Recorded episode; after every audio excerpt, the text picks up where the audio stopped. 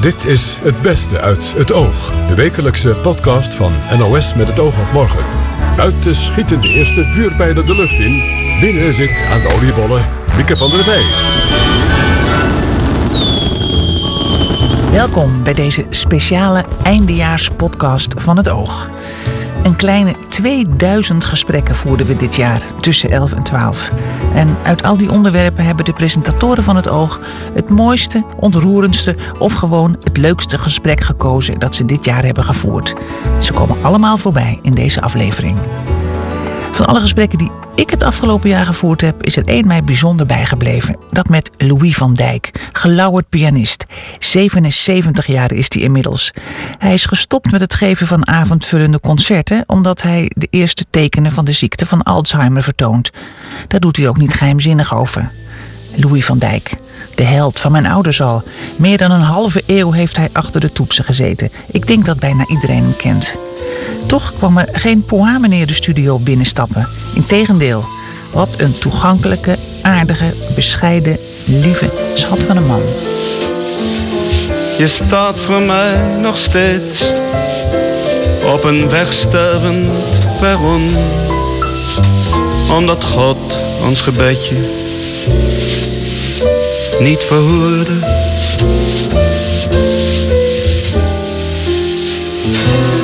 Het was uh, Ramses Shaffi met De Trein naar het Noorden. En op piano, de man die nu tegenover mij zit. Goedenavond, Louis van Dijk. Goedenavond. Ja, je kwam binnen en je zei, oh, wat speelt dat trio mooi. kan je nog herinneren dat deze opname werd gemaakt? Ja, ja, ja. Het was uh, diep in de nacht. Onder uh, leiding van de, de wonderlijke, maar toch wel heel grappige uh, producer Gerrit en Braber. Ja. Die het altijd over bruikbare krachten had. Zijn zoon en, is hier technicus. Oh, wat die leuk. had bij wijze van spreken zomaar de uitzending kunnen doen vandaag, vandaag Erik. Geestig. Ja, ja, Maar goed, dit terzijde. Ja. Ja, ja, ja.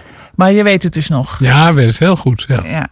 Uh, we hebben je uitgenodigd. Mag ik je zeggen? Ja natuurlijk. Oké, we hebben je uitgenodigd omdat je volgende week je allerlaatste avondvullende concert gaat geven. Ik zei net al, je, vond het, je zegt het is mooi geweest. Ja, uh, ik heb het uh, een halve eeuw gedaan uh, door heel Nederland. Ja. En uh, ik, ik zal absoluut zo te hooi en te gras nog wel eens een concertje spelen. Want ik vind het veel te leuk om mensen naar me toe te halen. Maar ehm, echt hele grote tournees en zo, dat, dat zie ik niet meer zitten. Nee, en waarom wil je daarmee ophouden? Nou ja, het, het uh, genoeg. Ja, ouderdom? Ja, nou ja, dat, de, de, de ouderdom speelt als uh, vermoeidheidsfactor eigenlijk niet mee.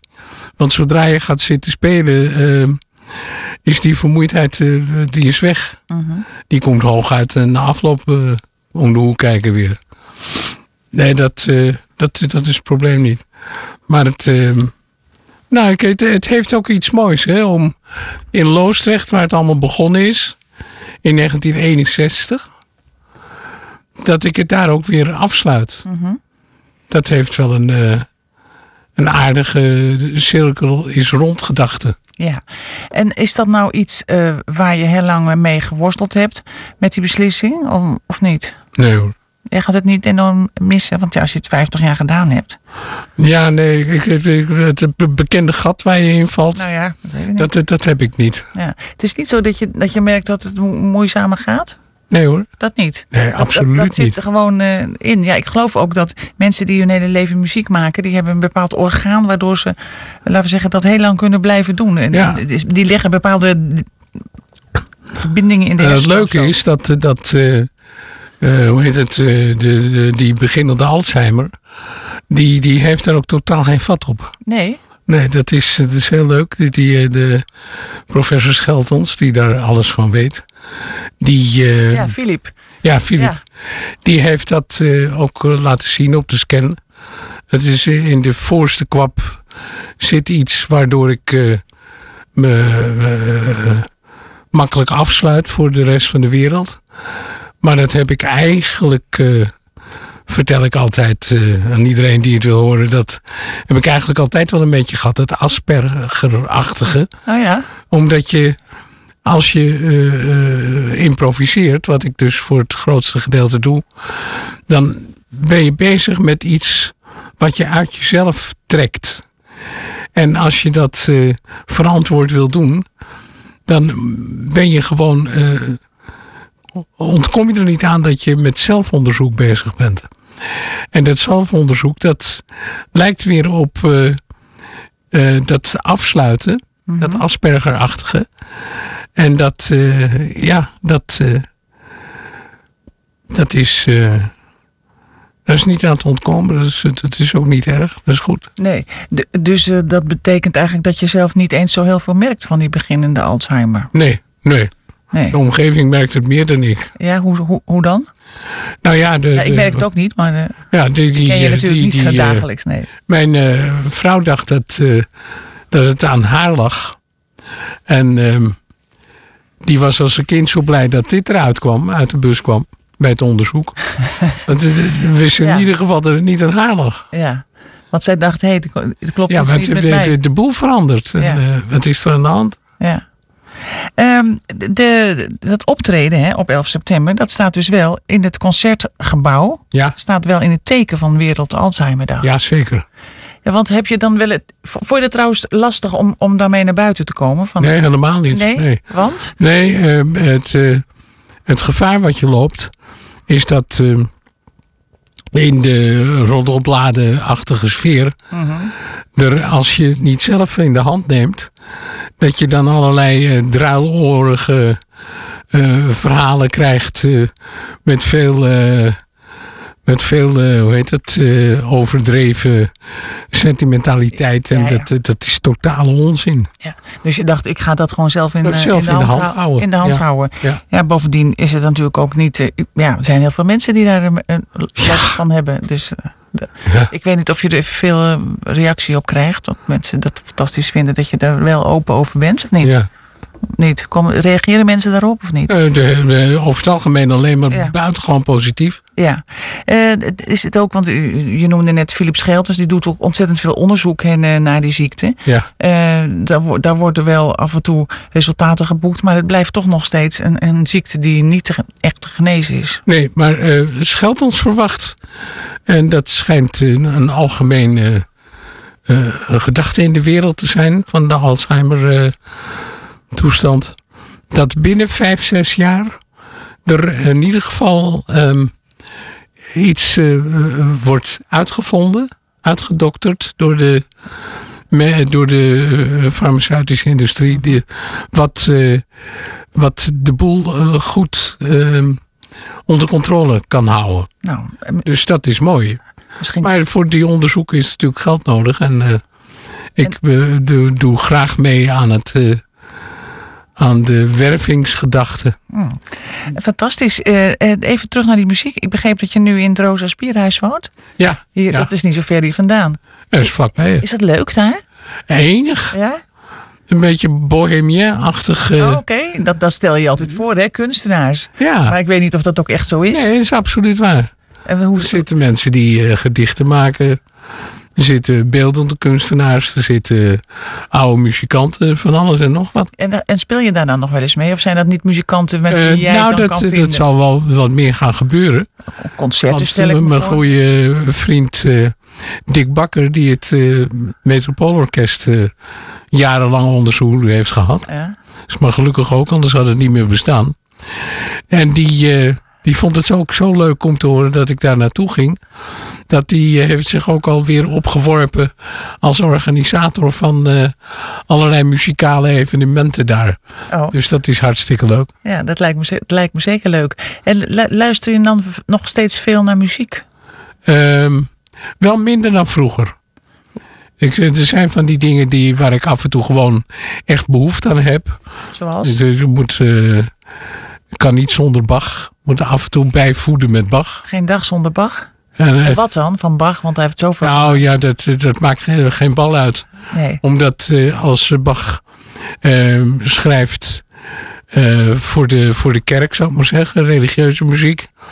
Dan schrijft hij eigenlijk in principe niet anders dan dat hij een vioolconcert eh, schrijft. Nee. Het gaat mij om de, om de eh, specifieke ontroering die hij teweeg brengt door de krankzinnige, ehm, eh, krankzinnige samengaan van, van constructie en emotionaliteit. Dat is bij hem zo ongelooflijk eh, in evenwicht. En, Ja. En als je het goed speelt, dan swingt het ook enorm, toch? Vind ja, ik altijd. Ja, zeker. Ja. En, en andere muziek nog? Luister je Ja, ik, de Mozart is natuurlijk. eh, Maar wel klassiek allemaal dus, eh, voornamelijk. Ja, Eh, de, de, eh, eh, van de jazzmuziek.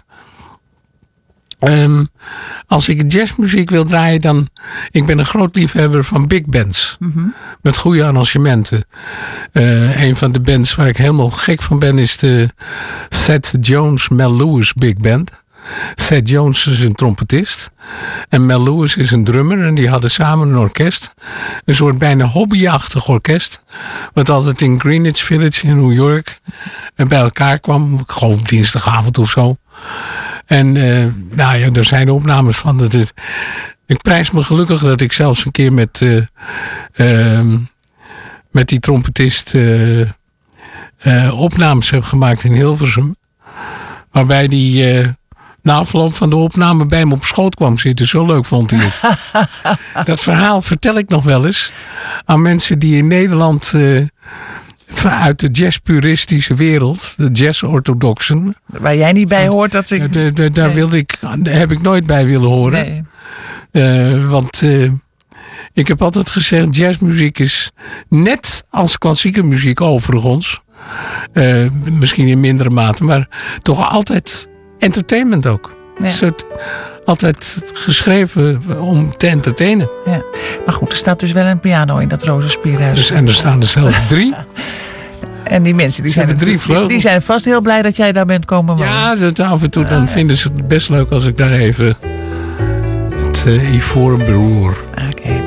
Dankjewel, eh, Louis, eh, Louis van Dijk, dat je vanavond naar de uitzending wilde komen. Ja, Dankjewel voor je komst. heel graag en voor gedaan. al je muziek die afgelopen 50 jaar. Want daar Dankjewel. heb ik allemaal van genoten. Oké. We zullen doorgaan met de stootkracht van de milde kracht om door te gaan in een sprakeloze nacht. We zullen doorgaan, we zullen doorgaan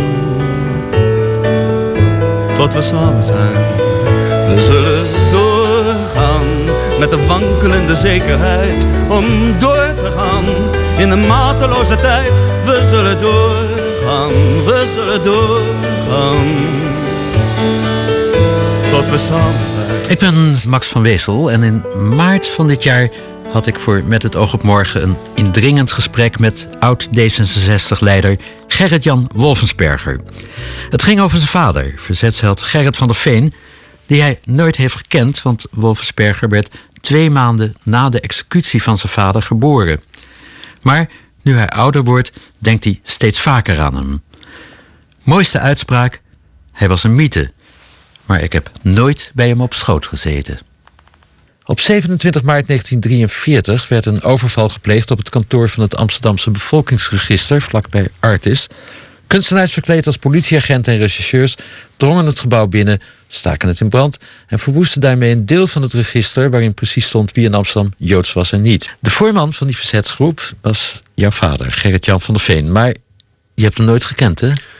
Nee, dat is natuurlijk iets wat je dan, eh, zeker als jongetje, een hele ambivalente houding geeft. Want ik ben de eerste tien jaar van mijn leven opgevoed.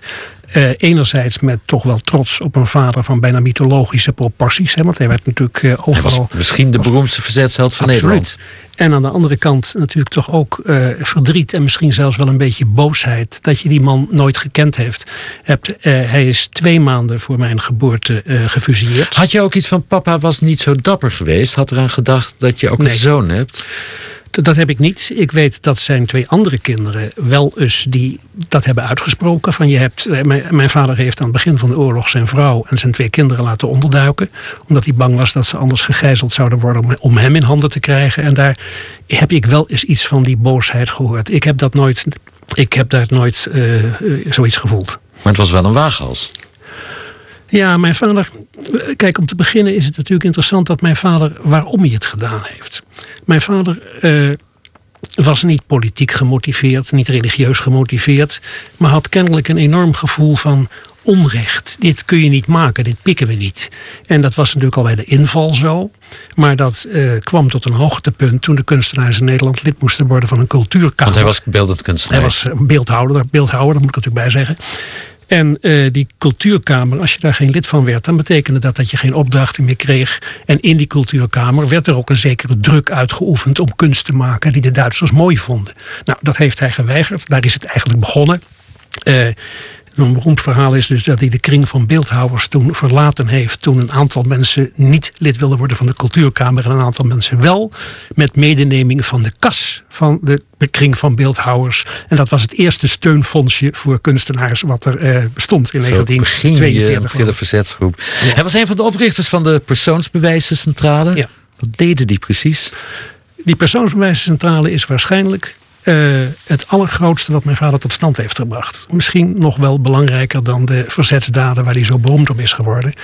Hey, ze zijn begonnen met uh, het vervalsen van persoonsbewijzen om mensen die ofwel joods waren ofwel voor de arbeidseinsatz in aanmerking kwamen van een vals persoonsbewijs te voorzien. Dat ging, is een prachtig verhaal. In het begin ging dat heel amateuristisch. Die dingen hadden namelijk een watermerk. En ze konden dat watermerk niet goed namaken. Dus je ziet, er zijn zelfs foto's waar je ziet dat de medewerkers van die PBC, persoonsbewijzencentrale, die knipten dan leeuwtjes. Het watermerk was een leeuwtje, knipten ze uit een dun velletje papier. Dat werd gesield tussen twee andere velletjes papier. En zo maakten ze dan zogenaamd een watermerk. Nou, Later is dat allemaal geweldig geperfectioneerd. En uh, ja, er is ook een uh, drukker toen gevonden. Dat is ook een heel ontroerend verhaal. Een drukker gevonden aan Frans Duard.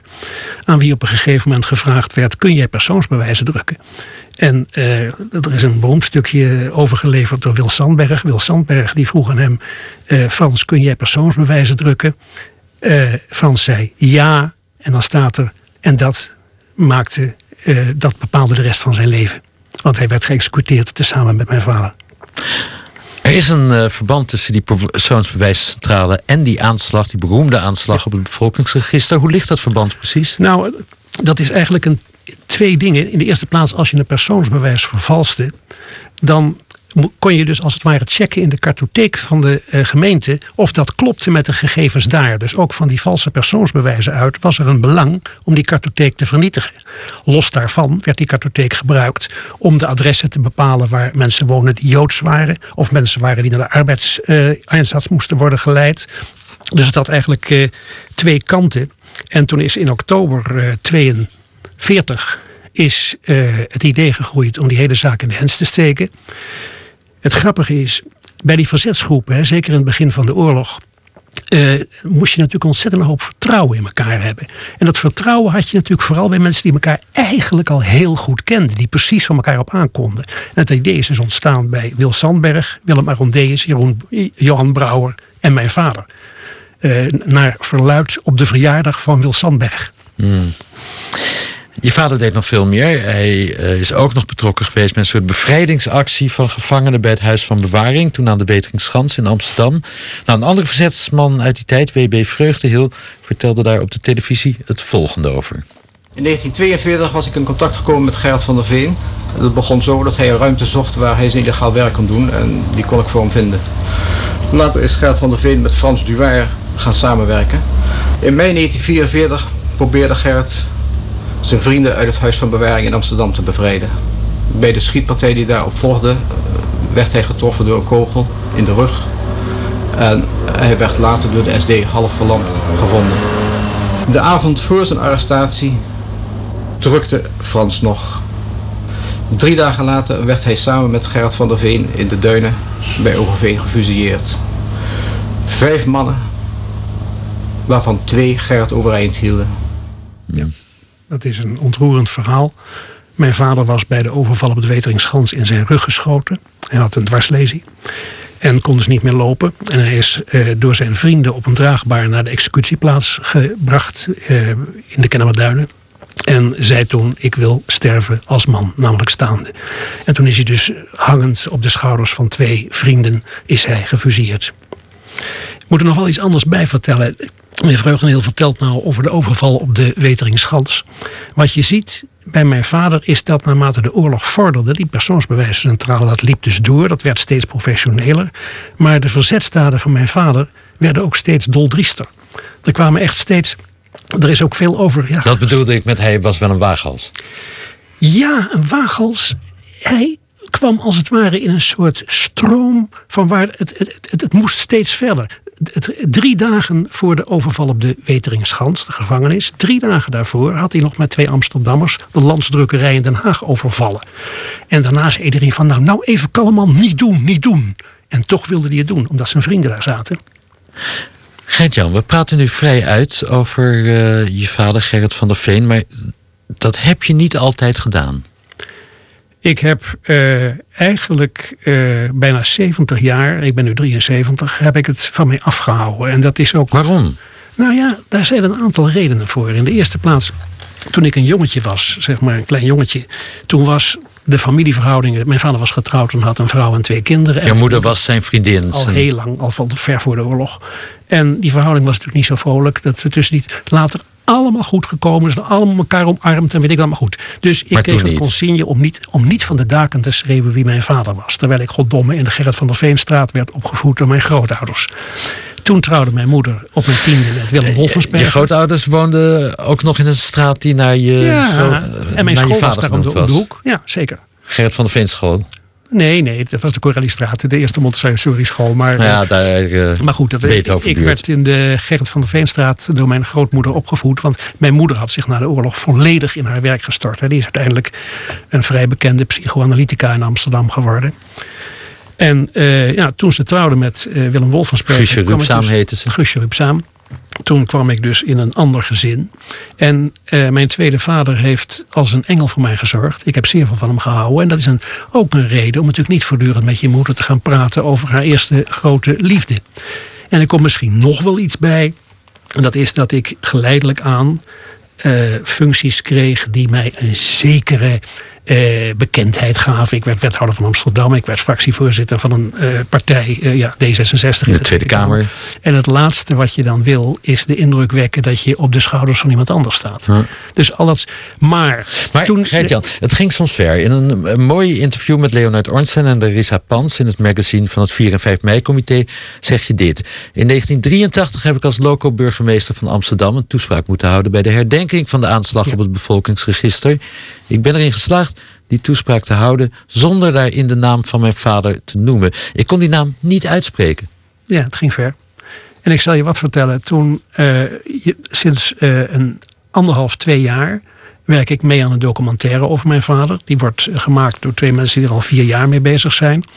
En in die documentaire ben ik als het ware de verteller. Ik ga met de, door interviews, door het eh, archieven bezoeken, door kijken naar beelden en ook door mijn eigen verhaal te vertellen, vert- vertel ik als het ware het leven van mijn vader eh, zoals ik dat eh, nu zie. En toen die documentaire begon, toen heb ik me drie dagen opgesloten en ik heb voor het eerst alles gelezen wat er over mijn vader geschreven is. Ik heb dus als het ware, ja, die, de drempels die ik je net noemde, die zijn natuurlijk nu weggevallen. Hoe, hoe, hoe verklaar je die verandering? Want eh, je zegt in het blad van het 4 en 5 mei-comité, dat ik net al citeerde, zeg je ook over een recente herdenking van die aanslag op het bevolkingsregister. Voor het eerst van mijn leven moest ik erom huilen. Ja, ik heb nu ook. Ik merk, het, het antwoord is omdat ik ouder word. Het antwoord is omdat ik ouder word en omdat de, de, de barrières die je hebt, de drempels die je over moet, die zijn geslecht. Ik kan er nu ook vrijuit over praten. Eh, ik zit nu in de situatie dat als iemand, als iemand zegt. Mijn vader, dan moet ik even denken: bedoelt hij nou vader 1 of bedoelt hij nou vader 2? Dat heb ik nooit- nooit eerder zo meegemaakt. Ehm, ik word ook af en toe wel eh, ontroerd en geëmotioneerd door dingen die ik hoor, die ik lees. Eh, ja, dat had ik vroeger niet. Ik heb dat heel strak van me afgehouden.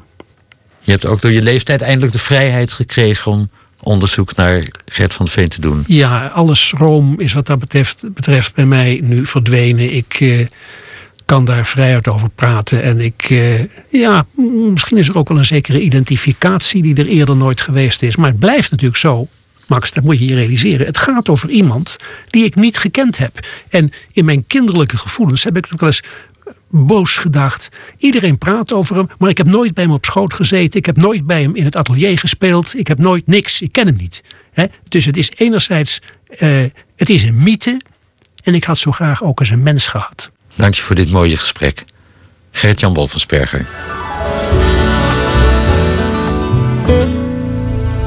Herman van der Zand hier. Eh, ik wil iedereen graag nog laten luisteren naar een gesprek dat ik had met Bert Segier. Hij is van de International Commission on Missing Persons. De naam zegt het al, het gaat over mensen die worden vermist. En niet in zomaar een land, in, in Irak. 1 miljoen mensen worden daar vermist. Worden nog steeds gezocht door uh, familieleden, door vrienden.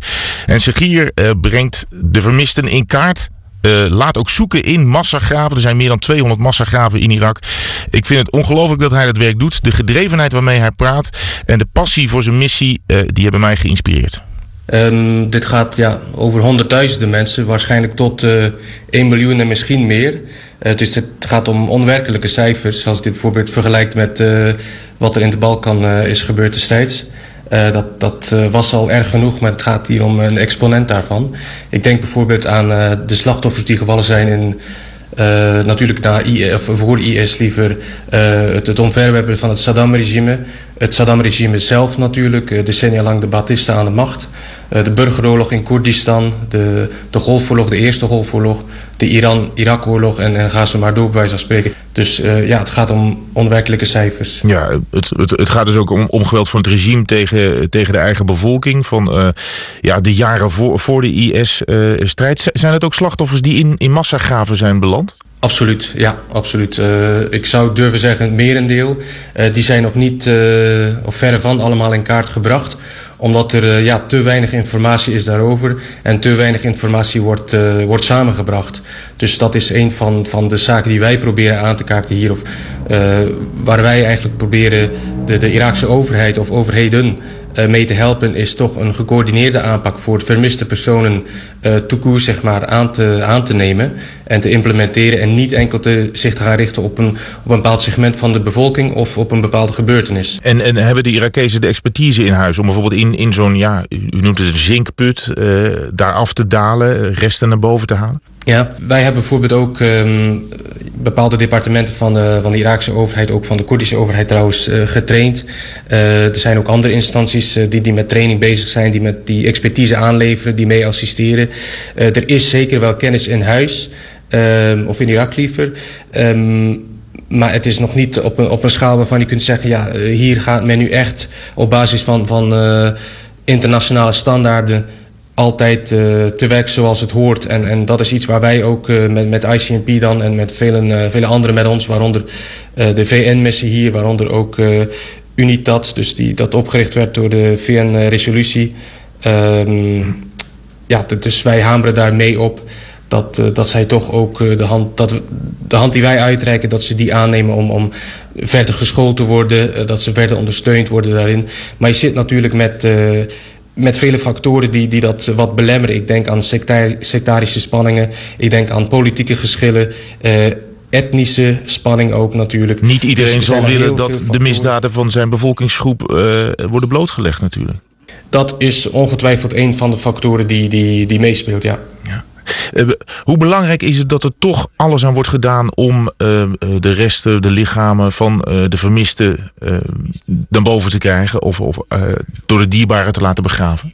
Ontzettend belangrijk. niet alleen voor de, de, ja, zoals ik al zei, het waardige afscheid van de, van de slachtoffers dan bijvoorbeeld, maar ook voor de familieleden uiteraard. Het is ontzettend belangrijk, niet alleen om een lichaam te kunnen bergen en, en begraven uh, volgens de, lokale rituelen, uh, maar ook het, het, ja, gerechtigheid te laten geschieden of op zijn minst de, de, de randfactoren zeg maar, die die gerechtigheid kunnen doen laten geschieden, dat die op zijn minst worden gerespecteerd en dat men er alles aan doet in de internationale gemeenschap, inkluis om, om uh, ja, da daaraan te helpen. En ik denk dat dat, dat ongelooflijk belangrijk is voor de stabiliteit van het land, uh, voor de verzoening tussen de verschillende bevolkingsgroepen, etnisch, uh, sectarisch, politiek, zoals we al zeiden, dat, dat het land ook verder kan, dat dit een, een afgesloten hoofdstuk kan zijn. En niet alleen voor de IS uh, ja, vreselijke daden die ze gepleegd hebben, maar ook voor uh, al degenen die daarvoor zijn gepleegd. Ook de massagraven en de doden van, van voor dat tijdperk. Waarom? Omdat wij, wij merken dagdagelijks zeg maar, in, in, in ons werk met ICMP uh, dat mensen dit niet vergeten. Wij krijgen e-mails, telefoons van mensen. Ik zeg maar iets, een grootvader is decennia lang geleden ja, vermoord geweest in, in Spanje bijvoorbeeld uh, tijdens de burgeroorlog. Hm. Ja, dat soort zaken, dat blijft in de familie. Die verhalen blijven in de familie. En nog steeds wil men gerechtigheid, wil men dat lichaam terugvinden, wil men een gepaste begrafenis kunnen bieden. Dus het, het is een probleem dat blijft sluimeren doorheen de samenleving. Dus het is echt een probleem dat moet worden aangepakt. Maar als het aantal vermisten kan oplopen tot 1 miljoen, alleen al in Irak, meneer Segier, waar, waar bent u dan aan begonnen? Dat is toch niet te doen? Het is een uh, titanenwerk. Um, het is te doen in die zin dat je ergens moet beginnen. En ik denk eh, met IS nu, er is een verhoogde of een, grotere aandacht natuurlijk, ook door de internationale gemeenschap voor dit probleem. Uh, wij hopen dat, dat uh, dit wordt aangepakt, maar ook dat er, ja, dat er oog blijft voor de andere problemen die er zijn geweest in het land destijds, de voorbije decennia. En dat ook ja, stapsgewijs waar we kunnen, dat dat ook wordt aangepakt natuurlijk. Dus het is een ongelooflijk proces. Uh, maar we weten waar we aan beginnen, zeg maar. En het is uh, een werk van lange adem. Maar bijvoorbeeld in uh, ja, het voormalige Joegoslavië is zo gebleken dat, ik gebruik Srebrenica nu als, als voorbeeld. ICMP heeft er mee voor gezorgd dat 90% van de slachtoffers van Srebrenica zijn geïdentificeerd. 70% van de ongeveer 40.000 die waren vermist. Dat gaat om relatief een klein bedrag natuurlijk, of een, klein aantal als je dat vergelijkt met een miljoen mensen die hier uh, vermist zijn. Uh, maar dat neemt niet weg dat het, uh, dat het werk daarom minder belangrijk is, of minder urgent is. Dus ja, we, we stropen de mouwen op en we zijn er klaar voor om, om hier verder aan te werken. Maar we hebben natuurlijk de steun nodig van onze internationale gemeenschap, van de lokale overheden. We hebben een trouwe partner in Nederland. Eh, we hebben goede contacten met ook de Nederlandse ambassade hier bijvoorbeeld. En dat is een ongelofelijke steun in de rug natuurlijk. Dank u wel, Bert Segier van de ICMP, eh, Internationale Commissie eh, voor Vermiste Personen. En succes met uw werk. Graag gedaan, dank u.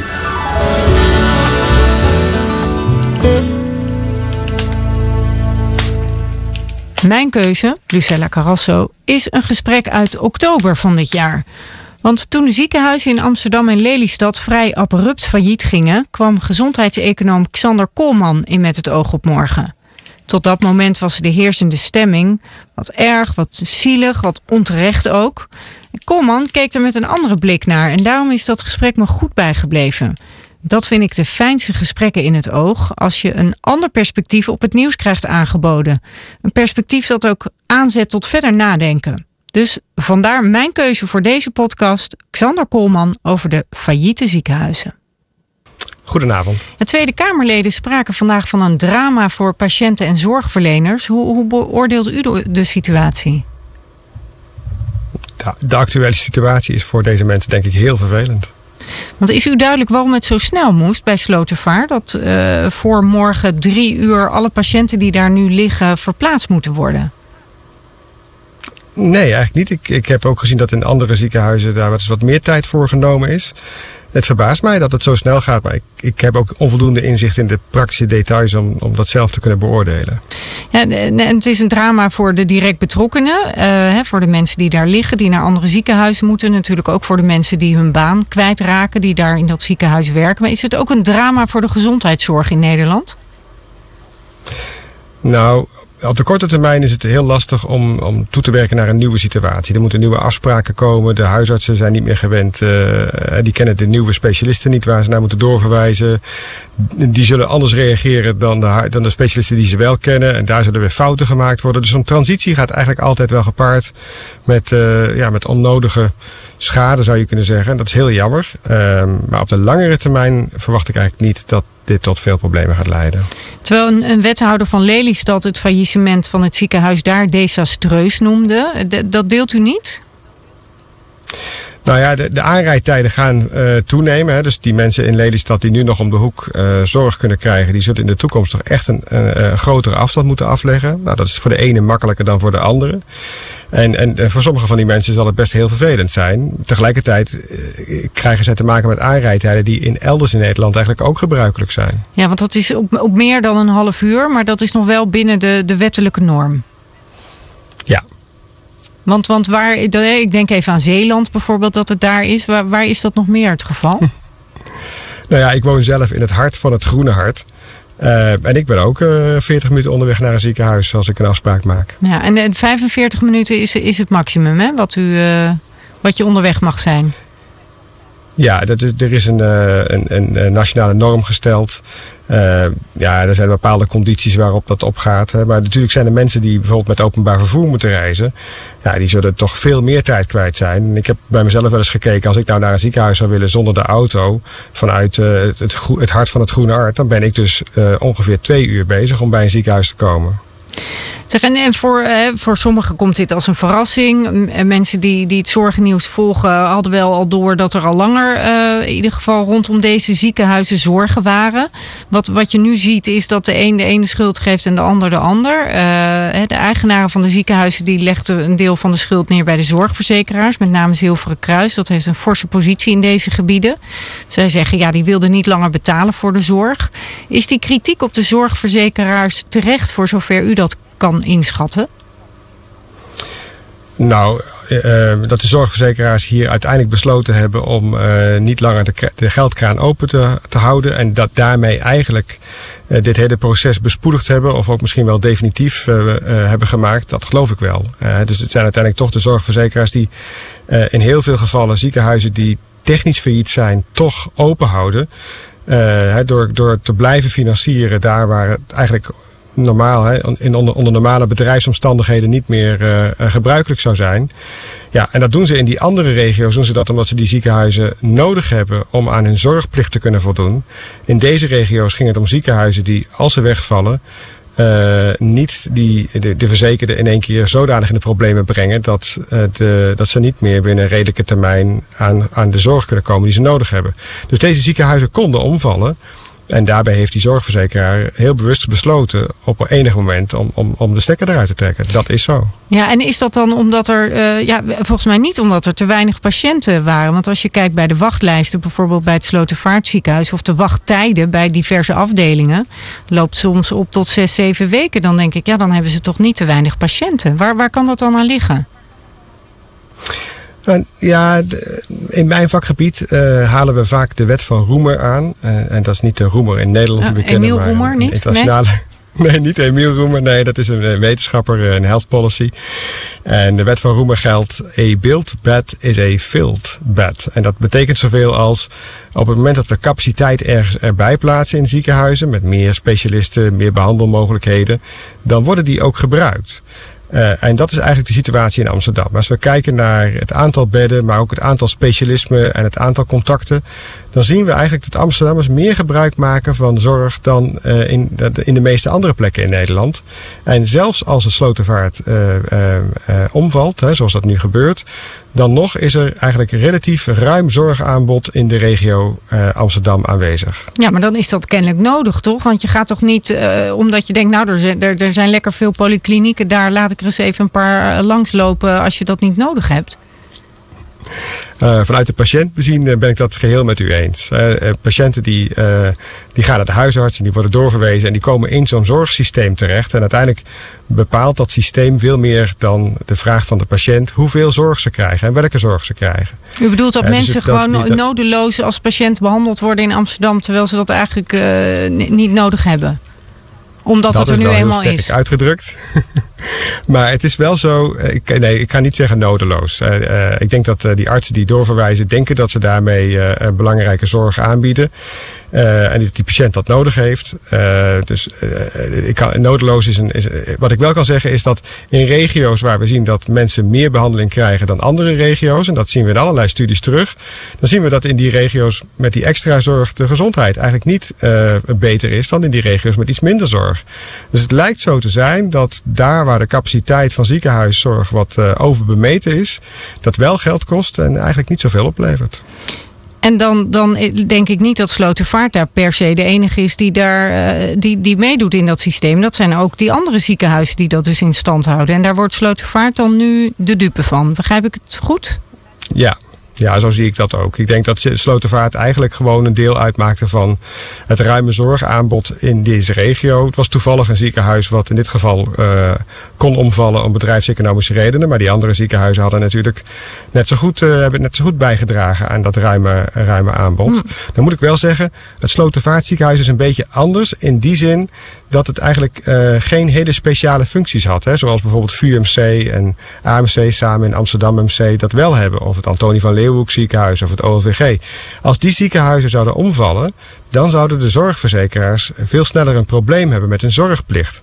Maar in het geval van het Slotervaart gaat er eigenlijk geen bijzondere functionaliteit verloren. Ja, dus dit ziekenhuis konden ze relatief makkelijk laten omvallen. Ja, en, en dat hebben ze dus uh, gedaan. Dat, dat geldt ook voor de ziekenhuizen hè, in, in, in Flevoland. Um, en, en er zijn meer, uh, u zei het ook al, ziekenhuizen die er slecht voor staan. Maar die hebben dan een, een, een belangrijke functie. Kunnen die dan tot het einde toe er een potje van maken, financieel gezien? Omdat ze nu eenmaal toch moeten bestaan? Uh, nou, het geldt niet voor elk van die ziekenhuizen. Hè. Dus ik kan niet voor elk van die ziekenhuizen die er financieel slecht voor staan, kan ik uh, dit vertellen. Maar de ziekenhuizen die uh, een essentiële rol vervullen in de zorgplicht die de zorgverzekeraar daar lokaal heeft, ja, die moeten overeind gehouden worden. En dat zie je eigenlijk ook gebeuren in sommige regio's in Nederland. Maar ook bijvoorbeeld in het buitenland is dat heel gebruikelijk. Dat ziekenhuizen, uh, ondanks puur mismanagement wat er soms gebeurt. Hè, dat is uh, natuurlijk al alle organisaties gebeurt dat wel eens. dan zie je dat eigenlijk de overheden of de zorgverzekeraars dan bijspringen. Om ervoor te zorgen dat het zorgaanbod voor de lokale bevolking overeind blijft. En, en wordt de macht van die grote ziekenhuizen dan niet nu nog groter? Als je de kleinere ziekenhuizen om laat vallen? Dat denk ik wel, ja. En dat was toch niet de bedoeling van de marktwerking, toch? Dus dit is een effect van de marktwerking, maar ook weer niet helemaal uh, de bedoeling. Dat klopt, dat klopt. Er zit een spanning. Uh, dit ziekenhuis leek, uh, voor zover als ik dat kan zien, relatief gunstige, tegen relatief gunstige prijzen die zorg te leveren. Dus misschien wel, als je kijkt naar de prijzen, concurrerend in de markt te zitten. Uh, en die gaan nu de markt verlaten. Dus ja, dan krijgen we daar ziekenhuizen voor terug die vanwege een sterkere marktpositie waarschijnlijk ook hogere prijzen vragen en vroegen ook. En, uh, en als die zorg dus even het volume gelijk blijft, dan zou dat wel eens duurder kunnen worden. Maar wij denken dus, hè, wij gezondheidseconomen zeg ik dan, wij denken dat het volume gaat afnemen nu dat er een ziekenhuis is weggevallen. Ja, dus dat de mensen minder de ziekenhuis gaan bezoeken, dat hun gezondheid daardoor niet achteruit gaat. Uh, dus u heeft weer een heleboel te bestuderen met het wegvallen van deze ziekenhuizen. Ik, ja, moet het nog even laten bezinken heel... hoor. Al die patiënten die maar worden ja. rondgepompt ja. omdat er toevallig plek is. Maar goed. Nou, ja. ik, vind dat, ik vind dat geen leuk beeld. Dat, dat, dat, ik denk dat die mensen heel serieus bezig zijn, eh, die artsen en eh, medisch specialisten, om, om het goede te doen voor hun patiënt. Dat maar ja, inderdaad, die studies die, eh, die, studies die tonen die dat zien, wel aan. Die, die tonen dat toch heel consequent aan. Misschien een onbewust effect. Laten we het zo, ja, laten in ieder geval onbedoeld. Onbedoeld. Ja. Oké. Okay. Goed, ja. u gaat kijken wat het effect is, neem ik aan. Xander Koolman, hartelijk dank. Heel, heel Gezondheidseconoom van de VU. Simone Wijmans hier. Het interview dat ik het afgelopen jaar heel bijzonder vond en heel uh, memorabel vond, was het interview met Selma van der Perre. Een 96-jarige oud-verzetstrijdster, nu woonachtig in Londen, maar tijdens de Tweede Wereldoorlog woonde zij in, in Nederland, was zeer actief in het verzet. Op een zeker moment is zij ook uh, gevangen genomen, heeft in Ravensbrück gezeten, in kamp Vught. En wat ik zo mooi vind aan haar is dat deze vrouw bijna 100 is en nog steeds met heel veel verven kan vertellen over haar verleden. En het nog steeds heel erg belangrijk vindt om dat verhaal zeker ook aan jongeren door te geven over het belang van verzet. En uh, het was een hele sympathieke vrouw, dus ik vond het heel mooi om met haar te spreken nog. Je stem laten horen, nee zeggen, protesteren en onderdrukking bevechten. Voor de reizende expositie Palet van Verzet, moedige vrouwen van toen en nu, die vandaag werd geopend in Nationaal Monument Kamp Vught, werden 14 vrouwen geportretteerd die dit allemaal deden. En een van die geportretteerde vrouwen is Selma van der Perre, 96 jaar en hier in de studio. Goedenavond, mevrouw van der Perre. Goedenavond. Fijn dat u er bent. Um, 2018 was het jaar van verzet en in dat kader is deze expositie gemaakt. U bent een van de vier nog levende verzetsvrouwen die voor de expositie is gefotografeerd. Ja, wat vond u ervan? Vanmiddag was de opening, hè? Ja, dat is juist. Ja, ik was bij de opening en uh, wel de, de tentoonstelling is fantastisch. Prachtige foto's, ofschoon ik niet veel had vergeleken met anderen van gedurende de oorlog. Want bij ons is alles weggehaald. Maar uh, toch was er vrij veel. Dus het was heel prettig en heel goed om het palet van het verzet. Ik heb nog het verzet. palet was daar en ik heb verzet eronder geschilderd. Ja. Dus je was heel tevreden met het resultaat? Ja, iedereen was tevreden. Dat is de hoofdzaak. Niet dat ik tevreden was. Ja. Er hangen ook op portretten van moedige vrouwen van nu. Waaronder Shirin Musa van Femme for Freedom. Een advocate, Lisbeth Zegveld. En ook oorlogsfotograaf Marielle van Uitert. Kun je stellen dat vrouwen moediger zijn dan mannen? Of misschien anders moedig dan mannen? Anders moedig, denk ik hoor. Ik denk niet dat ze moediger zijn, maar anders moedig. En andere dingen te, te, te delen hebben. De mannen gaan gewoonlijk in, een, uh, in het leger.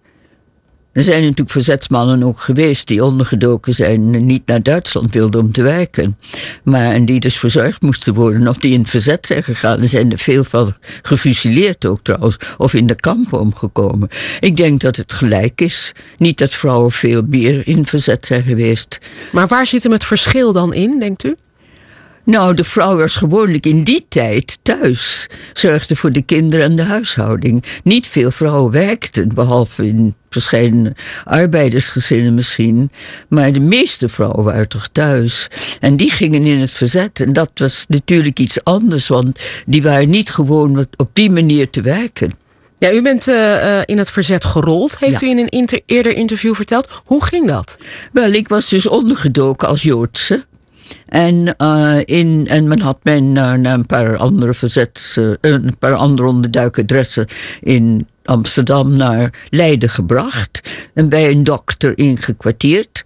En daar was ik bij dokter Antje Holthuis op um, de Singel. En daar kwam ook, kwamen ook uh, verschillende van de doktoren. Want er was een hele verzetsgroep van doktoren daar. Maar dat wist ik in het begin niet hoor. Maar die kwamen gewoon dineren, dacht ik. Maar na een poosje begreep ik dat, uh, dat ze met verzet bezig waren. En ook mensen wegbrachten naar. Um, dit was 19, eind 1942, begin mm -hmm. 43. En mensen brachten naar onderduikadressen en zo. En uh, toen kwamen ze eens met een verhaal dat er zoveel meisjes en jongens niet meer waren om mee te helpen. En toen zei ik, kan ik iets doen? En zo ben ik, wat u zegt, erin gerold. Maar kan ik iets doen? U zei het al, u, u bent Joods. Ja. Dat is natuurlijk een enorm risico wat je neemt in die tijd. Ja, maar men wist dus eigenlijk niet... Je wist wel dat je gepakt kon worden en gedood misschien. Maar je wist dus nog niet van alles af wat we nu weten. Dus ik vermoed dat dat ook een spel speelde. Dus een zekere naïviteit zat er ook in? Vermoed, vermoedelijk wel, ja. ja. En ik had wel ook gedacht dat um, mijn moeder en zusje waren dus ondergebracht, ook in Eindhoven. En ik vond dat uh, met al die verhalen van de niet-Joodse mensen die er kwamen, dus van de doktoren en andere mensen, um, van de, de universiteit en zo kwamen daar. En ik vond dus dat die ontzaglijk veel deden. Ik had er een reuze bewondering voor. Na al die verhalen die ik hoorde dus s'avonds. En um, ik vond ja, ik, ik, dat ik daar iets voor wilde doen, ook meehelpen. En dat meehelpen, wat hield dat in? Wat voor werk nou, deed u in het allemaal? begin ik, bracht ik gewoonlijk alleen maar um, uh, krantjes rond. Illegale krantjes, de Vonk of uh, andere krantjes. En dat kwam langzamerhand, werd mij gevraagd om bonkaarten en persoonsbewijzen mee te nemen naar mensen die ondergedoken waren. En omdat ik toen begon te reizen in Nederland, naar verschillende plaatsen, in het noorden, in het zuiden, in het midden.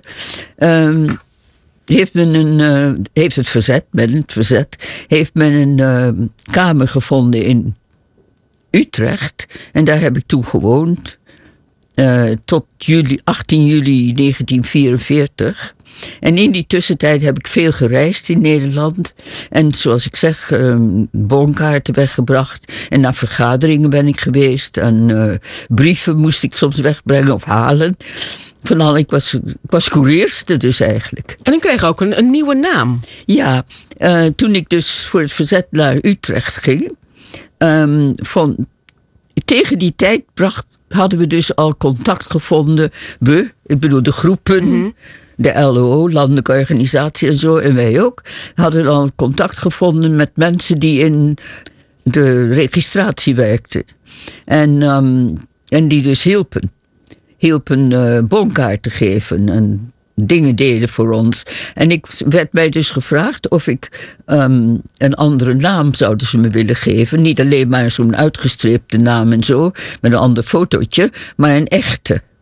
En dat is dus gebeurd. Ze hebben dus kaarten gehaald uit, ehm, van een baby, ehm Margarethe van der Kuit, die na 18 maanden overleden is. En toen werden, en die, die is dus geboren in oktober, 26 oktober geloof ik, als ik het goed herinner, 1920. En ik was dus eigenlijk 1922, ja, juni 1922. Dus die was oud, twee jaar ouder dan ik. En dat, dat eh, persoonsbewijs en de kaarten werden daar dus ingestoken en zo. En toen ben ik dus Margarethe van der Kuit geworden. Hoe is dat om ineens een andere naam te krijgen? Ja, Van dat was Selma heel- naar Margaretha? Precies, dat moest je weg. Ik moest dat Selma wegdrukken. Zo erg dat ik in het begin in de gevangenis, toen ik dus opgepakt ben, eh, of tenminste gearresteerd ben, Mhm. toen durfde ik niet te gaan slapen, want ik was dus bang dat ik in mijn slaap ging praten. En dan die naam zou zeggen. En dan mijn naam zou zeggen. En dat heb ik dus altijd moeten wegdrukken. Maar na een hele poos was ik dus Selma Velleman helemaal kwijt. En was ik echt Margarethe van. Ook omdat iedereen mij als Marga toesprak. Mhm. En als Marga heeft u veel illegale dingen gedaan. Je moet wel een hele sterke overtuiging te he- hebben hè, om dat vol te houden.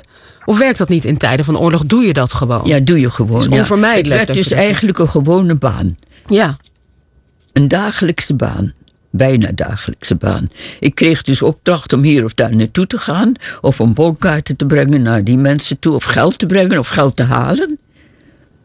En dat moest ik dan afgeven en zo. Dat werd dan afgegeven, door naar andere mensen gebracht en zo. Nou, onderduikers gewoonlijk, hè.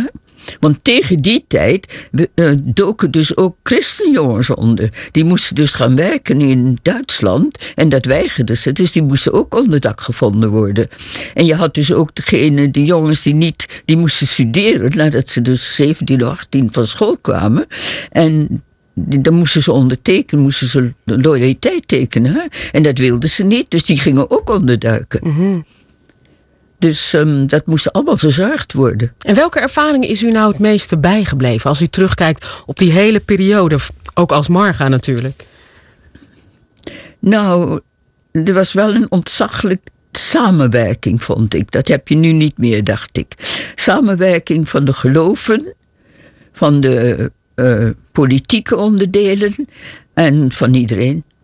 Ja, maar als u denkt aan de, de, de acties die u hebt gedaan, de, de biljetten die u heeft, heeft vervalst, welke ervaring zegt u van oké, dat was heel bijzonder om te doen of om mee te maken of extra spannend?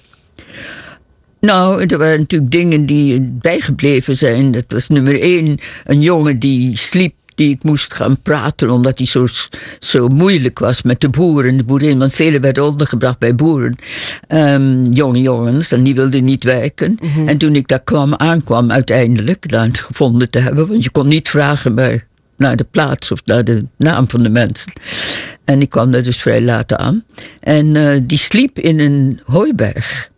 En dat is me wel bijgebleven. En die jongen was vreselijk nerveus, hele jonge jongen. En een jaar of 17, zoiets, 18 misschien. En ehm, die haalde onder het hooi, want dat was hooiberg, dus waar hij sliep, eh, onder het hooi een pistool vandaan. Of vijf pistolen in een, in een zakdoek. En die, die bood mij er een aan. Ik was al stom verbaasd dat die jongen dat had. Ja. Ja, want wij hadden altijd gezegd geen pistolen en geen... ehm, Geen wapens geen eigenlijk. wapens. hè. Ja. En ehm, dus hij bood me eentje aan, heel mooi, met een parelmoeren handeltje en zo, Mhm. handvatje. En ehm, dat heb ik geweigerd. Ik zei, nee, ik doe het niet. En ik heb met die jongen gepraat en zo. Gezegd, ja, maar dat gaat niet. Je bent hier ondergedoken, want je wil niet naar Duitsland. Dus je moet doen. En ehm, nou, die boer en boerin hebben hem toen weer genomen. Maar hij is wel lastig gebleven. Ik heb later gehoord dat ze hem toch naar iemand anders moesten brengen. Omdat hij een lastpak was. Ja. u bent op een gegeven moment opgepakt, dat zei u net al. Maar Hoe ik ben was dus dat wat voor me ook bijgebleven Oh, ja. is dat ik, ehm, ik ben dus eh, ook naar Parijs geweest en naar België. En ik vra- vraag me nu vaak naar na de oorlog en nu ik zo oud ben, af hoe ik dat heb kunnen doen. Dat het allemaal zo gemakkelijk ging. Maar heeft u daar het antwoord op? Nee. nee. Ja, u zei net al dat u op een zeker moment bent opgepakt. Ja. U heeft uh, In kamp Utrecht. Vught overleefd, ook uh, vrouwenkamp eh, Vught, Ravensbrück. ja, ja. Ehm, denkt u daar nog dagelijks aan, aan die periode in die kampen? Nee, niet meer. Want ik, Hm. ieder jaar ben ik dus naar Ravensbrück geweest met de PABO-student uit Nederland. Om daar toespraken te houden en te vertellen over de. En ieder jaar ga ik naar ehm, de Hildegard Hansen Stichting. Eh, om naar Duits, met Duitse studenten te praten en zo. En die zijn allemaal heel geïnteresseerd. Vandaar dat ze eh, ons ge- gevraagd hebben om mee te gaan. En ehm, dat, dat is heel goed, maar het is bijna een, eh, geworden dat ik het moet doen, weet je. Ehm, Die verhalen blijven vertellen. ja, Zeker ja. aan jonge mensen, aan Oh, studenten. zeker, ja, dat vind ik heel belangrijk. Wat is Want daar zo belangrijk in, aan in? Engeland vragen me soms, waarom doe je dat toch allemaal? Zeker op jouw leeftijd nu. En dan zeg ik, ik vind het nodig. Noodzakelijk. Mhm. Nu nog steeds. Nu nog, zeker nu nog steeds. Mhm. Ja, u bent 96. Een van de laatste die dit soort verhalen nog kan vertellen uit eigen ervaring. Dat lijkt me een hele nare, ook wel rare gedachte. Dat, Dat is er zo want weinig mensen juist zijn. toen ik eh, zo- foto's en papieren zocht voor deze tentoonstelling vanmiddag, ook in Aalteland was de tentoonstelling, eh, vond ik een, een foto, foto. En dat was met heel in het begin, want ik kwam dus over naar Nederland vaak toen ik nog voor eh, televisier en de Afro werkte. En nadat mijn man overleden was, die daarvoor werkte. Ehm, dan hadden ze altijd een bijeenkomst. En dan werd ik dus ook uitgenodigd om te komen in, het, in de Nieuwe Kerk op de Dam. En ehm, ik vond die foto dat we geluncht hebben ergens in een restaurant in Amsterdam. En, allemaal, en die, die zijn allemaal dood. Ik ben de enige overlevende. Er staan een stuk of twintig mensen op. Allemaal uit Ravensbrück dus. Dus het is zeer essentieel om die verhalen te Ja. blijven vertellen. Ja. Om die moedige vrouwen te blijven portretteren. Ja, dat vind ik. Herdenken is zo belangrijk. Vind ik tenminste. En dat vinden een heleboel mensen. Of schoon in Engeland dus, waar ik dus woon, in Londen. ehm, zeggen mijn vrienden dus, oh, waarom doe je dat nou toch? En dan probeer ik uit te leggen dat ik het heel belangrijk vind. Mag ik u hartelijk danken voor dit gesprek. Selma van der Perre. Zeker, ja, het is mijn plezier om dat te doen. Ik ben Chris Keijnen. Laura H., het kalifaatmeisje uit Zoetermeer, is een van de beste boeken die ik het afgelopen jaar heb gelezen. Lees dat boek. Een ongelooflijk goed en knap geschreven boek, maar ook een ongelooflijk verhaal over een Nederlands meisje dat door een opeenstapeling van problemen in het kalifaat van IS terechtkwam en er ook weer uitkwam. Met een grote en ontroerende rol voor haar vader Eugène, die haar altijd op zijn manier ook toch bleef steunen en haar uiteindelijk ook eruit wist te krijgen. Met hem sprak ik op zaterdag 17 november en dat wil ik u graag nog eens laten horen. Goedenavond. Ik zeg Eugène, omdat eh, net als bij Laura we de achternaam eh, niet gaan gebruiken. Eh, maar dan zeg ik ook je. Is dat goed? Heel graag. Oké. Ehm, ja, journalist Thomas Ruip heeft een ongelooflijk indrukwekkend boek, vind ik zelf, geschreven over je dochter. 537 pagina's dik. Daarvoor heeft hij heel veel mensen gesproken. Ook je dochter meer dan 150 uur geïnterviewd. Ook jou uitgebreid geïnterviewd. Al je appjes gekregen. Ja, enfin. Ik las over haar jeugd, over haar overleden broertje, over eh, ja, de, jongen die aan een nierziekte overleed, Ja. eh, over haar schooltijd, over de manier waarop ze misbruikt is daar door, eh, door jongens van school en uit de buurt, over hoe ze mishandeld werd door haar man, over haar reis en haar vlucht uit het kalifaat. Hoe heb jij dat allemaal gelezen? Wist je het allemaal? Nee, lang niet alles. Lang niet alles. En sterker nog, er zijn nu elementen in het boek waar we nog steeds niet met elkaar over praten. Dat Laura zegt, ik vind het fijn dat het er staat. Dat ik het niet met je hoef te bespreken. En waar gaat dat dan over? Ja, met name die seksuele handelingen. Die vele seksuele handelingen die in de jonge jaren... Een beetje loverboy-achtige Ja, praktijken ja, waarbij ja. ze eh, met, met En- veel jongens tegelijk Ja. eh, Ja. Ja, en dat is echt afschuwelijk. En Ja. als vader afschuwelijk om te lezen. Ja. En dat het kan gebeuren en je, en, en je vermoedt dingen en je signaleert. En, eh, maar ja, it takes a village to raise a child, hoorde ik van de week iemand zeggen. Ja. En eh, dat heb je heel hard nodig in zo'n situatie eigenlijk. Ja, maar de- je, had, je had daar toen eigenlijk niet echt een beeld van dat dat allemaal aan de hand Nee, was. nee, nee. Wel, eh, wel signalen dat het met Laura niet goed ging. En die heb ik ook wel afgegeven, ook op school en aan jeugdzorg uiteindelijk. Maar niet dat het zo erg was. Nee. heeft Laura ook eh, goed eh, weggehouden eigenlijk. eh, ja. Ja, ja. en dan- ontspint zich dus een verhaal van een meisje wat, wat in inrichtingen terechtkomt, eh, wat probeert zich te beschermen tegen dat, dat ook een deel door haarzelf veroorzaakte imago wat ze heeft als, Ja. als slet en Ja. als hoer door een hoofddoek te gaan dragen. Ja. Waardoor ze langzamerhand in, in de sferen van de islam komt. Uiteindelijk sluit ze een islamitisch huwelijk en vertrekt naar het, eh, naar het kalifaat. Ehm, hoe kwam jij erachter dat je dochter was vertrokken? Ik, eh, ik werd gebeld en eh, de zus van, van Ibrahim belde. En die zei... ze- Ibrahim was haar man, hè? Ja, haar haar ja. islamitisch Ja. getrouwde man in ieder geval. Want nooit officieel voor de wet hier. Nee, inderdaad. En, en, en die zei, ze zijn naar Mekka waarschijnlijk. En de dag daarna belden ze terug. Daar was ik al heel boos over. Met, met kindertjes naar Mekka. Hoe kom je erbij? Want jullie hadden nog wel contact in Ja, die tijd. ja. Gewoon. Jullie hadden Ja. Ibrahim een beetje geaccepteerd. Nou, wel, ja, dun was dun. het. Want, eh, want het, het- ik voelde wel dat het een gladde kerel was. Maar, Mhm. eh, maar het hele verhaal erachter had ik niet in beeld. En, eh, dus eh, eh, nee, op een moment werden we gebeld. En eh, toen was het, ja, het contact redelijk dun. En, eh, en, de, en de dag daarna belden ze. Ze zijn daadwerkelijk naar Irak. Ja. Althans naar IS-gebied, ja. Ja. ja. En wanneer kreeg je toen voor het eerst weer contact met haar? Dat was in december eh, via, een, eh, via een vader van een ander meisje. Van ze willen samen ontsnappen. Mhm. In december 2015. En hoe dus lang eigenlijk was ze twee maanden, daar? twee maanden was ze daar. Goed, Ja. twee, goed twee maanden was ze daar. Laura wil weg en, eh, en eh, ze probeert te ontsnappen. Ja, eigenlijk ben je dan hartstikke blij. Maar had je daarvoor geen contact meer met haar Nee, gehad? nee, daarvoor hebben we wel een bericht gekregen van het is hier goed. Ja. En, eh, en dat was ook me aangekondigd eh, door de rechercheur. Die zei, je krijgt op enig moment zo'n berichtje. eh, zo van, het is hier fantastisch. en, eh, en maak je geen zorgen. En dan hoor je een heel lang niks meer. Hm. Dus daar heb ik ook op voorgesorteerd door heel veel berichtjes alvast naar die telefoon te sturen. De, de nummers die ik had. Om te zorgen dat ze gewaarschuwd was. Ja. Ja, goed. eh. Ja. En dan komt er een, een, een ongelooflijk verhaal, gaat zich dan ontrollen. Want eh, jij hebt contact met het familiesteunpunt radicalisering. Hè? Dat, Ja. Dat, ja, dat, dat wordt voor je geregeld, denk je, als een kind eh, naar Syrië is uitgereisd. Nee, Daar ik- zijn namelijk contact met jou op, hè? Ja, ik liep er tegenaan bij, eh, bij, die, bij die man thuis toen we de eerste ontsnappingspoging Oh ja. gingen doen. Ja. Oh ja. En via die weg kwam ik met ze in contact. Ja. Ja, en toen kwam je ook via hun in contact met een Duitser, Ja. Dan- Daniel Keuler, een Duitse radicaliseringsexpert. En, en die, die zegt ook te kunnen helpen bij dat, bij dat ontsnappen. Ja. Ehm, je betaalt hem uiteindelijk 10.000 euro en er zouden twee pogingen gedaan zijn om haar te bevrijden. Uiteindelijk wordt, daar, wordt niet duidelijk wat daar nou precies van waar is. Hè? Nee, nee, dat blijft een groot vraagteken.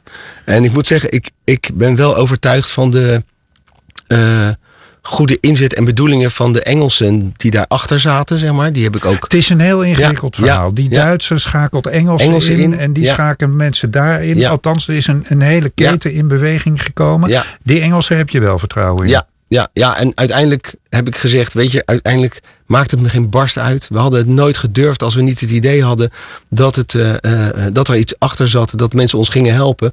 Eh, en, en nu hebben we het gedurfd. Dus ik, eh, al, al is het hele verhaal verzonnen, dan vind ik het nog niet erg. En is het me nog 10.000 euro waard. Mijn dochter is terug. Ja. Dat, eh, ja. Ja, want, want eh, er zouden dan twee ontsnappingspogingen zijn Ja. georganiseerd. De eerste Ja. zou fout zijn gegaan, zouden mensen bij om zijn gekomen. Bij de tweede zouden ze ergens gestaan hebben waar, waar zij eigenlijk eh, met goed Bij de laatste, daar zouden, Bij ze, de laatste zouden ze haar opvangen. Zouden ze haar opvangen terwijl ze daar eigenlijk helemaal niet kon komen op die plek Nee. waar ze gestaan Nee. zouden hebben. Heb je die man nog wel eens opgezocht? Die, Ja, die Daniel K. Eh, die Daniel heb ik daarna nog wel eens wat contact mee gehad, maar niet heel inhoudelijk. Heb je hem wel eens gevraagd hoe zit dat nou joh? Nee. Tenminste, dat zou Nee, mijn gek die genoeg, vraag gek zou op mijn lippen dat. branden. Nee, daar heb ik niet eh, energie in gestopt. Huh? En wel de, de, de Engelsen. En het antwoord dat ik daarvan heb is eigenlijk. Eh, eh, eh, je krijgt geen antwoord. En het kan. het is in ieder geval zo dat Laura niet daar heel verkeerd is behandeld door de Koerden. En ze relatief snel ook naar het, consulaat is gebracht. Ja. En niet naar een kamp. Ja. En ze is thuis. En daar moet je het mee doen. Daar moet je het mee doen. Ja, ja. dus het is een, een, een beetje een schimmige wereld waar ik ook geen echte grip op krijg. Waarbij ik wel vrij zeker weet dat die Engelsen daar actief eh, zijn en zijn geweest. Ja. Ja. En dus eigenlijk via dat steunpunt eh, radicalisering de Nederlandse overheid ook bij betrokken is. Ja, dat was mijn grote Want teleurstelling. zij hebben je Ja. met die Daniel in contact gebracht. Ja, absoluut. En dat was mijn teleurstelling in het proces. Want ik dacht dat daar eh, alles wel boven water zou komen. En toen kregen we het advies van die advocaat om te zwijgen. Dat was erg onhandig.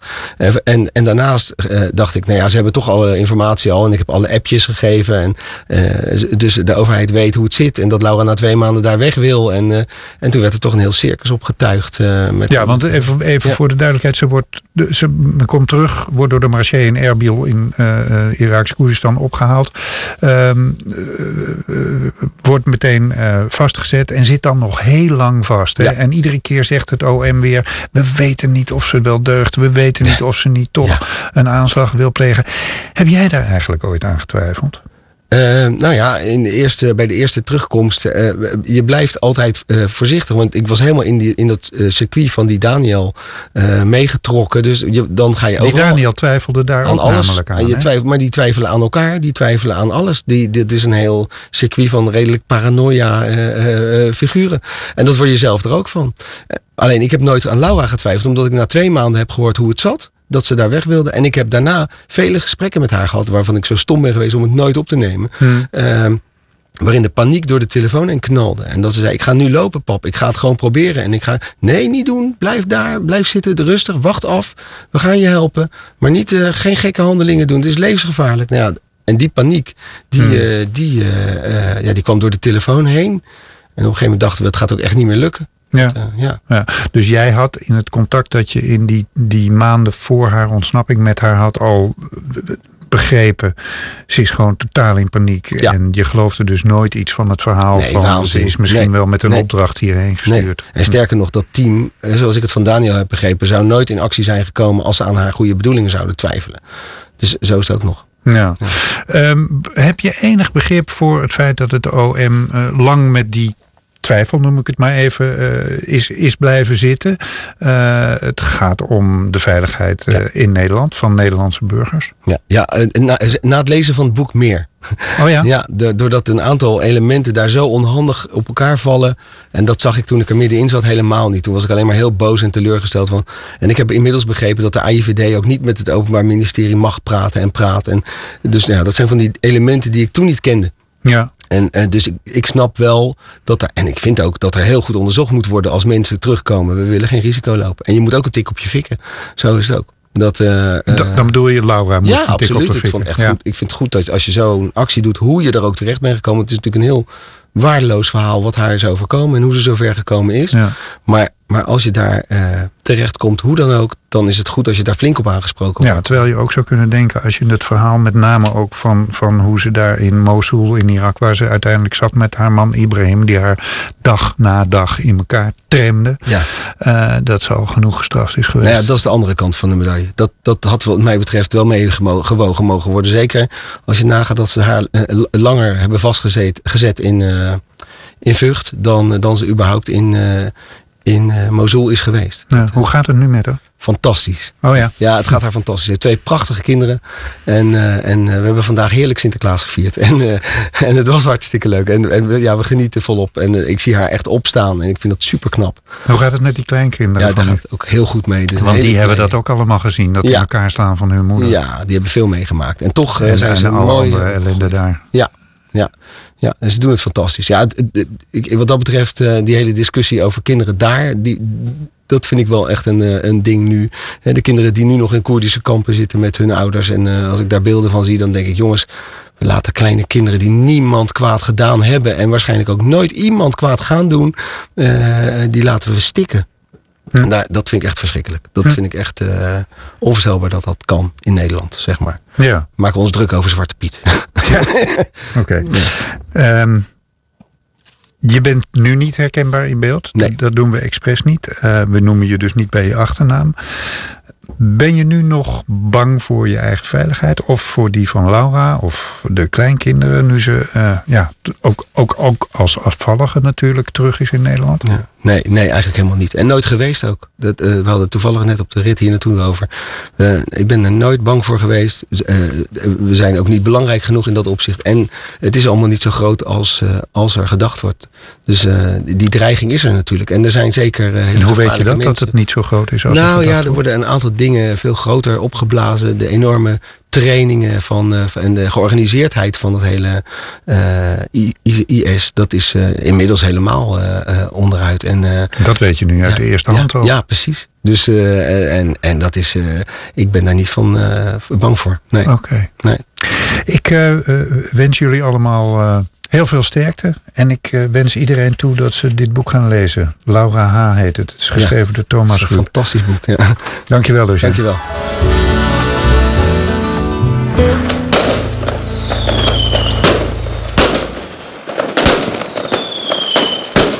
Ja, ik ben Rob Trip en um, het gesprek dat mij het meest is bijgebleven het afgelopen jaar is een gesprek dat ik had met Reinbert de Leeuw. De aanleiding was vrij geestig, omdat zijn impresario, of degene die zijn concerten organiseert, had gezegd in een persbericht dat hij zou stoppen. En dat bleek een totaal misverstand, want hoezo stoppen? Daar was hij helemaal niet van plan. Uh, en het leidde tot een gesprek over ouder worden, piano spelen, de vrij ingewikkelde muziek die hij speelt. En ik had mezelf eigenlijk vooral erop voorbereid hoe, als je ouder wordt, het misschien steeds moeilijker wordt om fysiek dat te kunnen doen. En het ging er uiteindelijk over hoe geestelijk inspannend en vermoeiend en misschien wel bijna niet meer te doen dit soort muziek te spelen. En dat is me eigenlijk het meest bijgebleven. En ik heb het nooit meer teruggehoord, dus ik vind het eigenlijk zelf ook wel leuk om het terug te horen.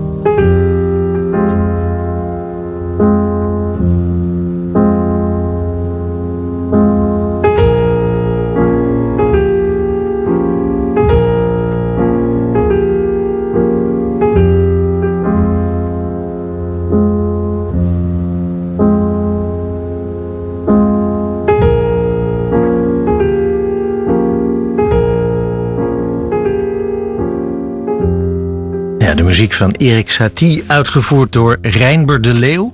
Een opname uit het VPRO-programma Vrije Geluiden van afgelopen zondag. En we hebben nu contact met Reinber de Leeuw. Goedenavond. Goedenavond. En u komt zo uit uw concert in Tivoli Vredenburg, waar u dit ja. trouwens ook heeft gespeeld, dit uh, wat wij net hoorden. Hoe was het? Hoe ja. ging het concert? Ja, dat is altijd een moeilijke vraag. Iemand die net een concert heeft gegeven, er zijn ook altijd dingen die je toch een beetje anders had gewild of zo. En het is een, een programma wat is. Het is eigenlijk altijd allemaal verstilde muziek. En dus je bent ook verschrikkelijk afhankelijk van het publiek wat je hebt.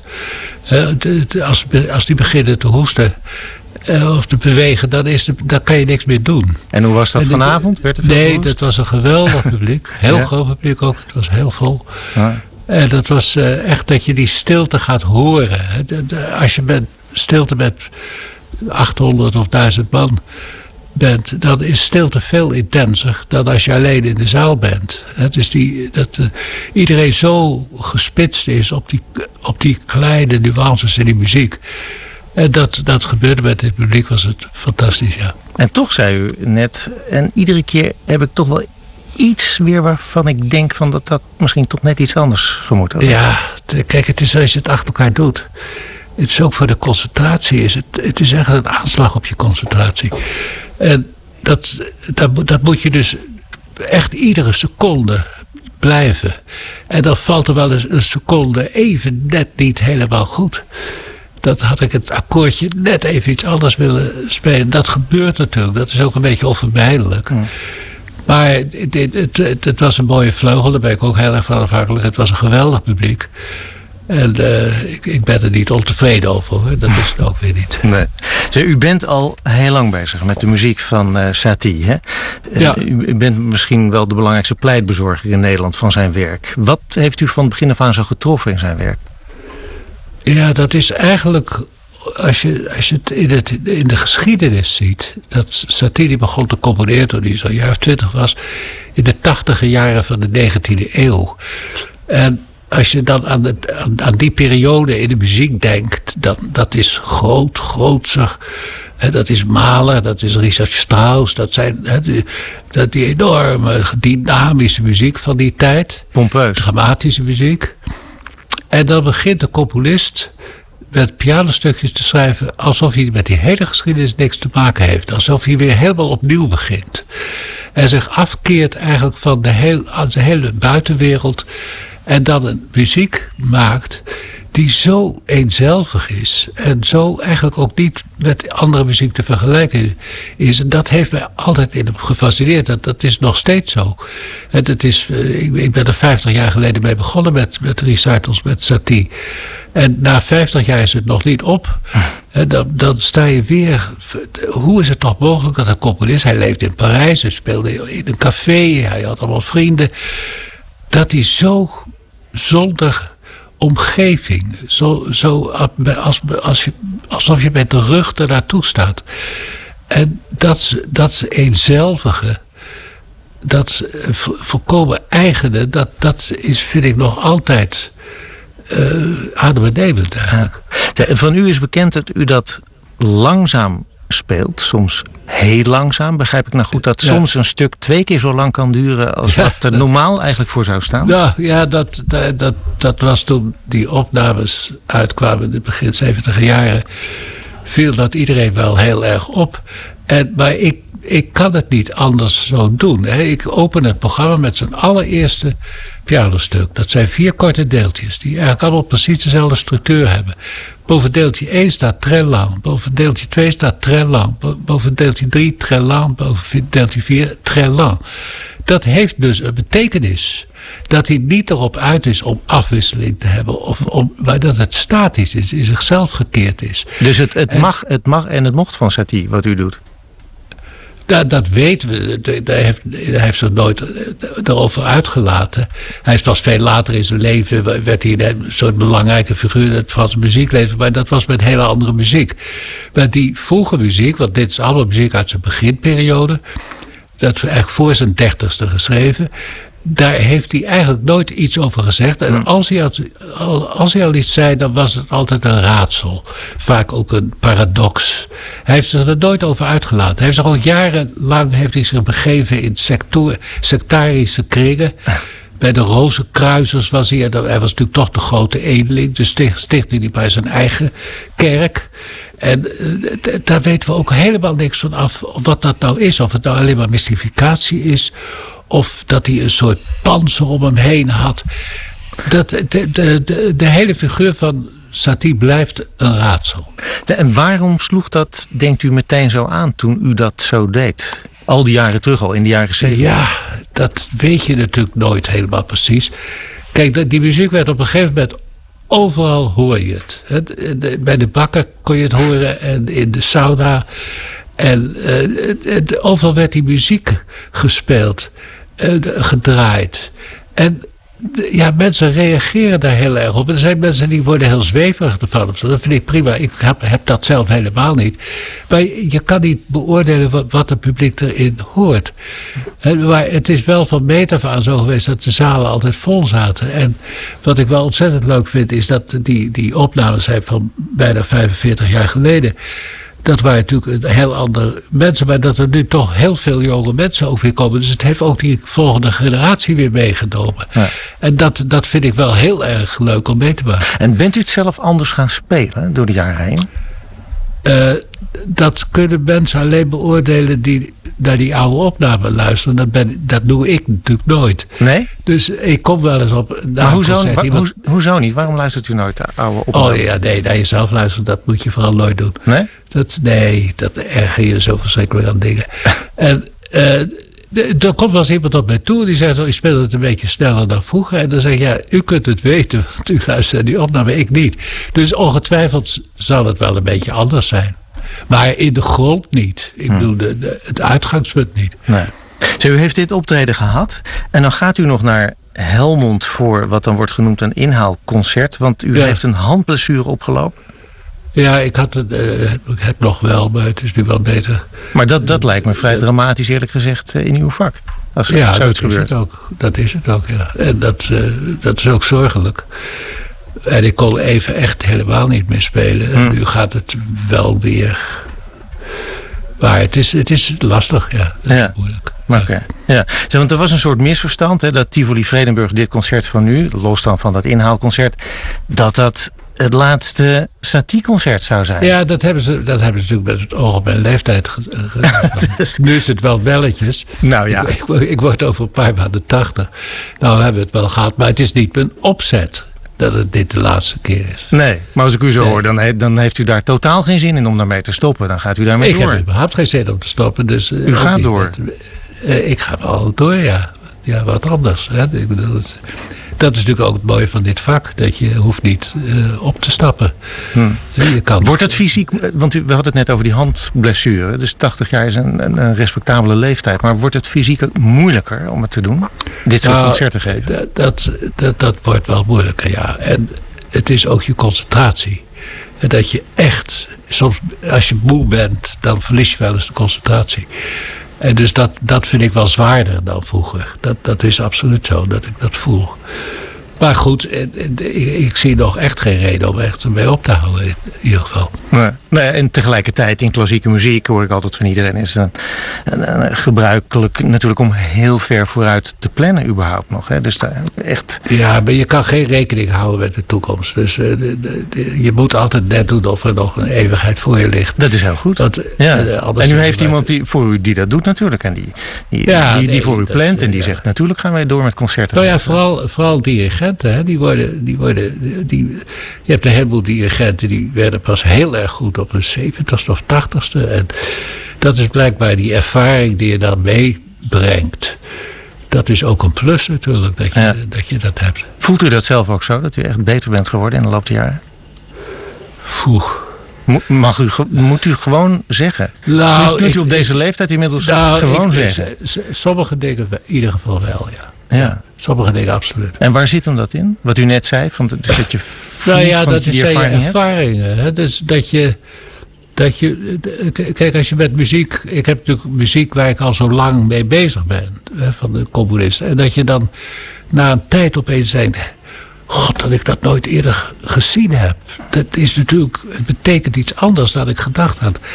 En dat, eh, grote muziek doet dat met je. Je ontdekt altijd weer nieuwe dingen.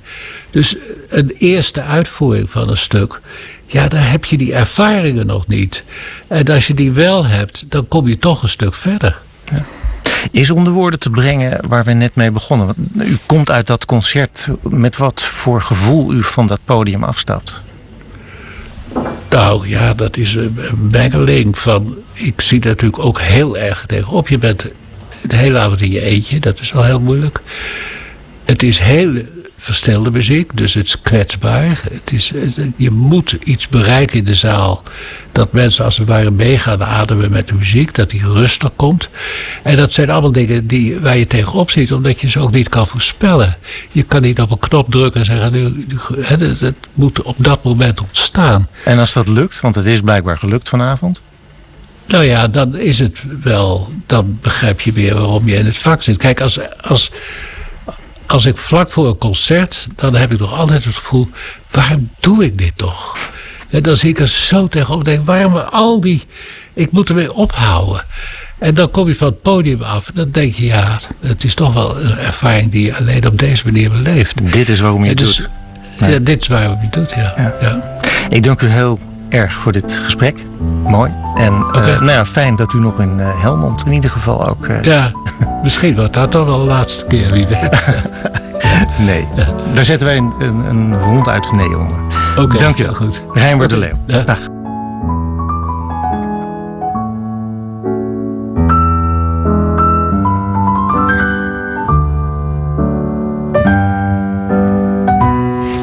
Was het beste uit het oog van 2018. Bedankt voor het luisteren. Graag tot volgend jaar.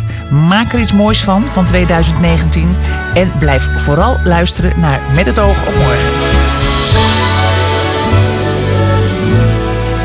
Gute Nacht, Freunde. Es wird Zeit für mich zu gehen. Was ich noch zu sagen hätte, dauert eine Zigarette ein letztes Glas im Stehen.